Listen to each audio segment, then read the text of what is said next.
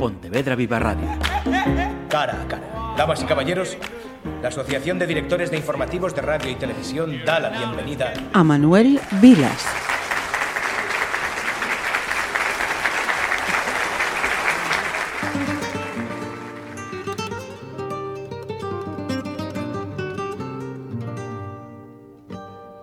Atiéndeme.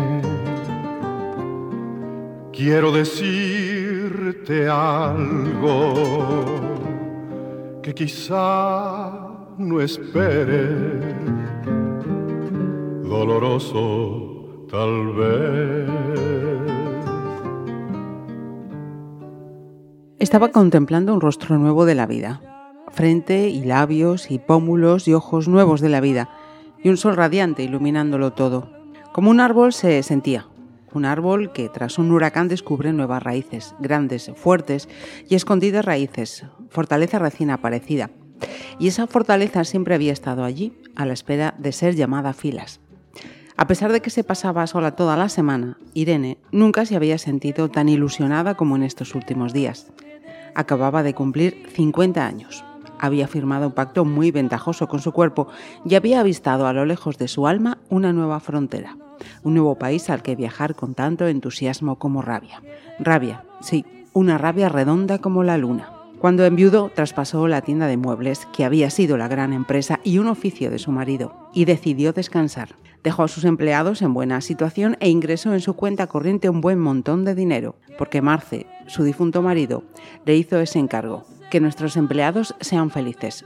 Son nuestra gente, nuestros hermanos. Así hablaba él, usando ese lenguaje tan raro, porque llamar hermanos a sus empleados era una de esas cosas de Marce, una de sus peculiaridades formas de ver el mundo, porque si no transformaba el mundo, si no lo embellecía, no podía ser feliz. Poseía ahora Irene dos pisos en Madrid, uno céntrico en el barrio de las Letras, de 60 metros cuadrados, y otro cerca de Chamartín, de lujo, de 250 metros, un decimoquinto con una terraza de vistas apasionantes y dos plazas de garaje. Lo que más les gustaba era la altura, un último piso. Por encima de ella misma no había nadie. No hay mucha costumbre en Madrid de construir edificios altos. Marce siempre lamentó esa carencia. Quería vivir arriba, cerca de las nubes, como los neoyorquinos. No encontraron ningún edificio más alto que les gustase y se conformaron con esa planta 15, que no estaba nada mal. A Marce le encantaba la Torre Picasso, pero allí todo eran oficinas de importantes empresas. Desde la planta 15 al menos podían ver el horizonte.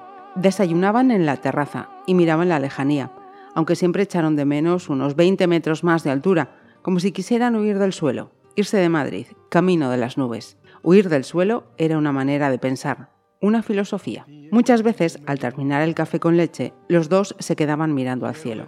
No había ninguna casa más elevada que la de ellos en las proximidades. No tenían delante más que el espacio abierto. Y recuerda ahora mismo Irene la contrariedad de Marce de no haber podido encontrar un rascacielos para poder vivir en una planta 28, lejos de la realidad de las calles y los coches y las normas de tráfico y los semáforos al lado de los pájaros, de las aves que vuelan altísimas, dentro de las nubes, porque las nubes podrían haber sido su hogar. No hay rascacielos en Madrid. ¿Cuántas veces oyó esa cantinela? Porque dentro de ese lamento latía una forma de desobediencia arquitectónica muy de Marce. Y las veces que estuvieron tentados de irse a vivir a Benidorm, porque allí sí había rascacielos. Resonaban sus palabras. Mira que si acabamos viviendo en Benidorm, ¿qué sería de nuestro glamour? Y lo oía reír. El apartamento amplio y lujoso de Chamartín había sido su vivienda de siempre, la que había compartido con su marido durante los últimos 20 años, muchos años. Ay, demasiados años, Irene. Quizá no habían sido tantos, se dice a sí misma, pero Irene mide el tiempo a su manera. ¿Quién impuso la medición del tiempo? ¿Por qué se ha de medir el tiempo según estipulan los gobiernos, las sociedades, las leyes, la historia? ¿Se puede liberar el tiempo? Allí donde hubo 100 días para unos, para otros hubo 100 años. Superstición tras superstición. Las sociedades decretan leyes. Vendió ese piso y con lo que le dieron, junto al traspaso de la tienda, más lo que había heredado tras la muerte de su Marce, que fue mucho, se hizo con una pequeña fortuna que no dejaba de admirarla. Cada vez que contemplaba la cantidad de euros que poseía, sentía furia y confusión al mismo tiempo, porque en esos números se resumía su vida entera. Esos números contenían una convicción aritmética que causaría la envidia de mucha gente, pero él no estaba. De ahí la furia, de ahí la oscuridad de su alma. Nosotros que nos queremos tanto, debemos separarnos, no me preguntes más. Nos falta de cariño,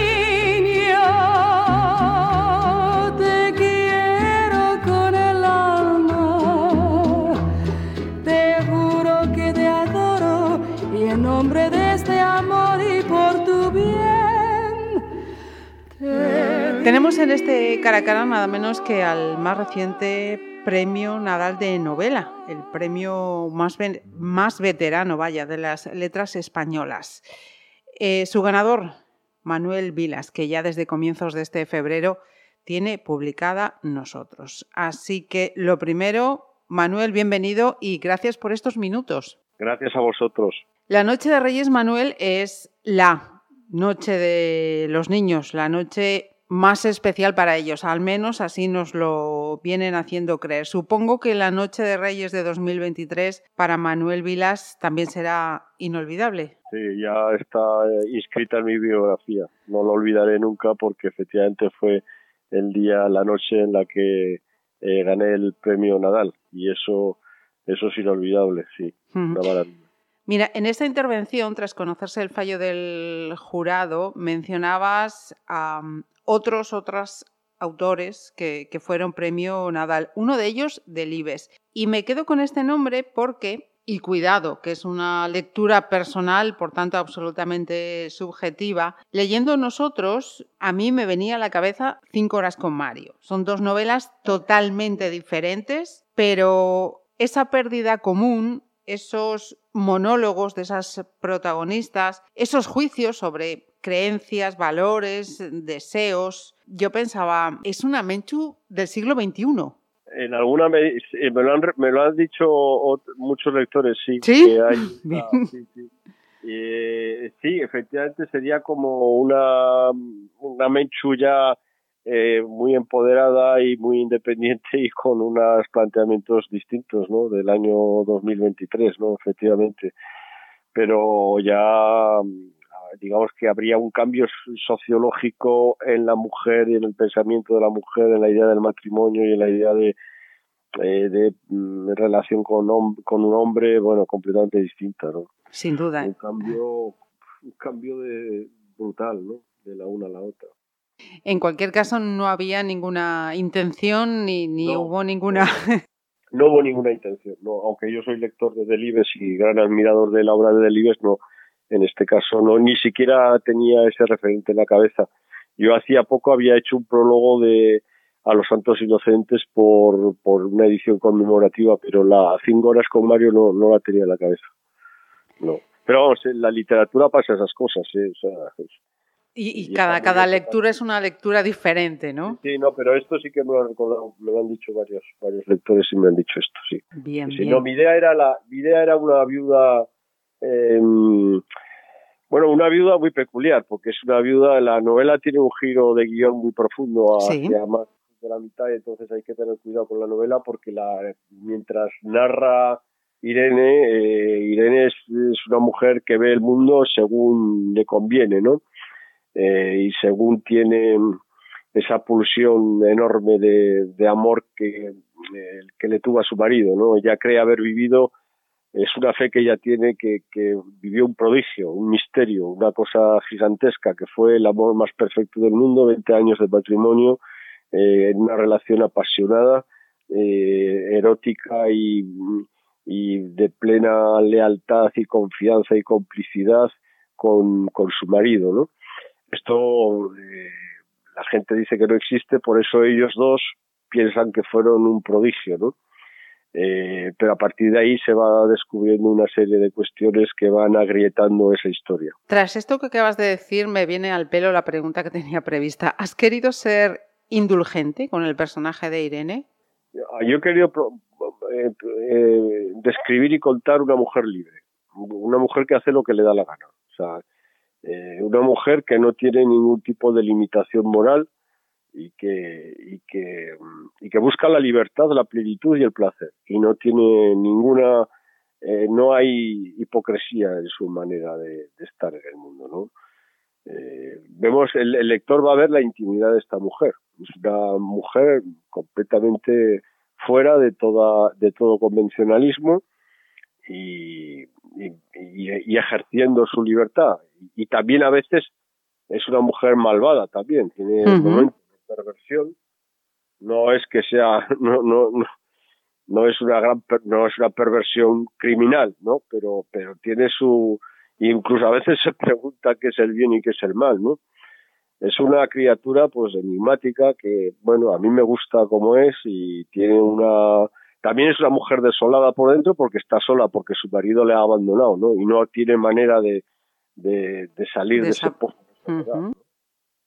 em, es un personaje complejo ¿eh? a mí me cuesta muchas veces que bueno pues más que nada hay que hay que deducir de lo que hace como es no por ejemplo sus aventuras de una noche con hombres y mujeres eh, allí también está ejerciendo su manera de seducir, eh, sus pasiones por la belleza, sus relojes, sus coches, sus perfumes, en fin. Con esto último, mm, ¿podría decirse que nosotros es también una, una novela hedonista? Sí, es una novela que reconoce es hedonista en un sentido de gran calado, si el placer rige la conducta de los seres humanos. E Irene al final hace un descubrimiento que es que el placer y el, que, que un amor sin placer no, no es nada.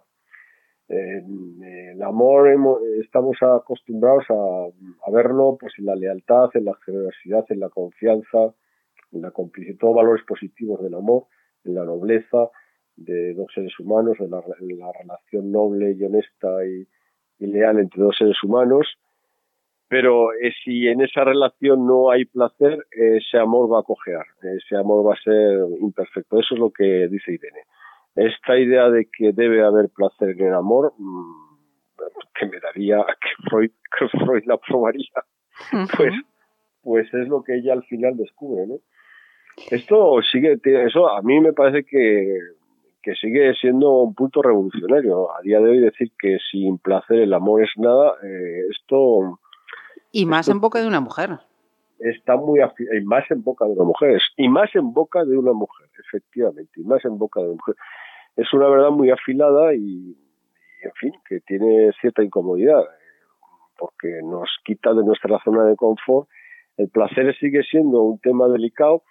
En, la sociedad, en nuestra sociedad hemos, eh, buscamos eufemismos de placer, me encanta, me seduce, me, me chifla, no sé qué, no sé cuántos tal pero en realidad el tema es el placer. Esta palabra nos, nos todavía nos, nos asusta porque, porque lleva aparejada la idea de corporalidad, de que somos un cuerpo, todavía, todavía pensamos que existe el alma algunos, ¿no? Y entonces, bueno, decir placer es reconocer que solo existe un cuerpo, ¿no? Y es, y es lo que, lo que la ciencia ya hace años nos ha dicho que solo somos cuerpo. El tiempo, los relojes, ¿es una obsesión, un fetiche de Irene o también es una herencia de Vilas? No, eso se lo doy yo a Irene, pero bueno, ella lo exageró, ya lo... A mí, yo tengo una base por los relojes que esa sí se la he dado a Irene, pero por una razón, Irene lo explica, no es frivolidad. Ella dice que el tiempo de la vida de un ser humano es importante y, tiene razón, el, tiempo de, nuestras vidas es importante, es lo más importante que tenemos todos, es, es el tiempo. Y puesto que esto que el tiempo es importante eh, debe tener su pequeño altar su pequeña iglesia su su lugar eh, hermoso en donde ser medido. Por eso piensa que los relojes de los seres humanos tienen que ser hermosos tienen que, que ser bonitos ella le regala a su marido a Marcelo cuando se casa le regala un Santos de Cartier con a los hombres con los que se acuesta les, les mira el reloj, ¿no? De, los relojes deduce qué tipo de hombre es, ¿no? Ella sabe mucho de relojes, sabe los precios. Eh, ella, por ejemplo, hace una distinción eh, que yo creo que no la ha hecho nadie. No sé si, pues yo creo que no, que es entre el reloj de cuarzo y el reloj mecánico. El reloj de cuarzo de segundo en segundo, se desplaza de segundo en segundo, el reloj mecánico penetra en cada segundo. Ella dice que eso es porque el reloj mecánico, que es el reloj de lujo, eh, el reloj de alta gama, eh, eh, quiere regalarnos también las milésimas de segundo, porque en esas milésimas de segundo también son importantes porque está también en las milésimas de segundo nuestra vida, ¿no? Por tanto, hay toda una teoría sobre el tiempo a partir de algo concreto. A mí me, hablar de los relojes eh, físicos me ha permitido, pues eso, recordarle al lector que el tiempo de nuestras vidas es importante. Y cuando Julio o Irene hablan del Mediterráneo, ¿también son palabras cedidas de Vilas? Ah, bueno, eso del Mediterráneo es muy divertido, es una comedia que me, me monté. Yo no sé si alguna persona, alguien me ha dicho, ¿existe esa profesión de Julio? Digo, pues no lo sé, me la ha inventado. Él se dedica a investigar el Mediterráneo y ver enclaves eh, todavía vírgenes, pues para ofrecérselo a, para hoteles, urbanizaciones, etcétera, ¿no? Entonces se dedica a investigar el Mediterráneo. El Mediterráneo acompaña a Irene durante toda la novela. La novela es una road movie por el Mediterráneo. Y el Mediterráneo es, es el misterio del placer y del paraíso. Es lo que hemos lo que la Europa occidental ha entendido como paraíso, como una posibilidad de paraíso, es el Mediterráneo. Aparte de eso, está el, tema también histórico de que nuestra civilización se fundó en el Mediterráneo, que Grecia y Roma son el Mediterráneo.